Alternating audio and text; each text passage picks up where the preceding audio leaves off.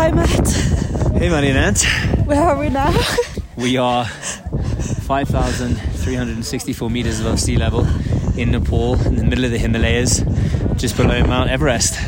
yeah, so uh, we can barely breathe. Yeah, it's, It's a little, cold bit, a little bit thin air up here, isn't it? Then uh, a lot of um, wind. Yeah. Uh, but we just want to say hi and update, update you. Yeah, Yeah, we made it. we made it, like barely. Now the Sherpa's coming. Poor with some- extra mango tea. Thank No, you I'm- very I'm much. good, thank you. Angie. With some Um, extra, extra warm tea to, uh, get us going. But uh, I think this is like more the t- physically the toughest thing that I've ever done in my entire life.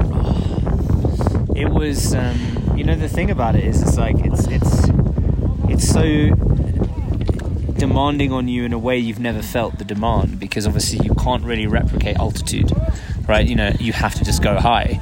And obviously we're at a very high point here. So you know the highest point in the alps is i think 3500 meters or something. Or sorry 4500 meters. So we're you know a thousand meters above that. So you can't train for that. So yeah, we've all been hit in different ways. Everyone's been somewhat affected, um, whether it be, you know, it, it affects the way that you, you know, not to get too graphic, uh, your dietary system, like how you digest and how you, you know, uh, handle your body and nutrients and things. So it's it's a very um, un, it's very it's, it's not it's, it's very new to all of us anyway.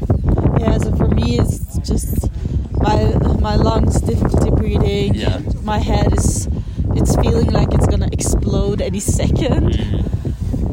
Um, body just so tired, but we finally made it, and We it's have. just the best feeling in the world. Yeah, I'm really happy. The whole crew made it. You know, there's 11 of us, including an 11 year old. And we all made it. Um, you know, because altitude sickness affects, you know, anyone. It doesn't matter how old you are, how fit you are. Uh, we've seen people go down, been taken down the mountain who have been, you know, old, young, fat, thin, you know, whatever. It, it, Yeah. it just takes whoever it wants. And just earlier today, I had my second thought of if I was go- able to make it or not. But I followed my uh, dad's advice: be a part of the turtle team, which Yeah. meaning uh, me and the Sherpa, quite behind everybody else, Slow and steady. slow and steady to be able to make it. Yeah. Uh, but I made it. Yes, you did. Too. You too. Yeah, no, I'm, I'm very. You know, you you you, uh, you were doing fantastic in the last bit here. Now it's tough. We were spreading out a bit. Those who are at the front, those who are at the back. We all came in within a few minutes of each other, Yeah. and you know now we're surrounded by lots of different people from different countries, all taking photos. You might be able to hear the background noise Yeah. and the bells. Those are the yaks, and yeah, there's a big rock with you know Everest Base Camp and the and the and the height you know sprayed on it the funny thing is everyone's taking turns in uh, taking photos, so it's kind of funny. Um, you, you even have to queue on Everest.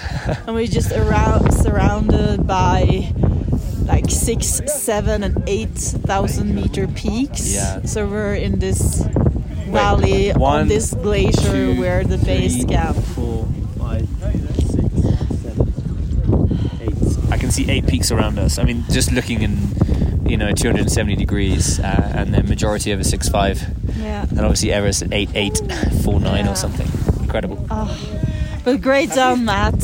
Great done. Thank you very much. Well done to you, I'm so Marinette. proud, proud of us. I'm so proud of us too. Well done. Um, and hey, if you ever want to think about doing this kind of trek, let us know, we'll uh, be happy to give you some tips and tricks Yeah. and what not to do. Um, and it's not over. We still got three days to get back. You know. Yeah, we get a lot, like a lot of kilometers Yeah. that we still need to make. But it's Um, downhill now. It's downhill.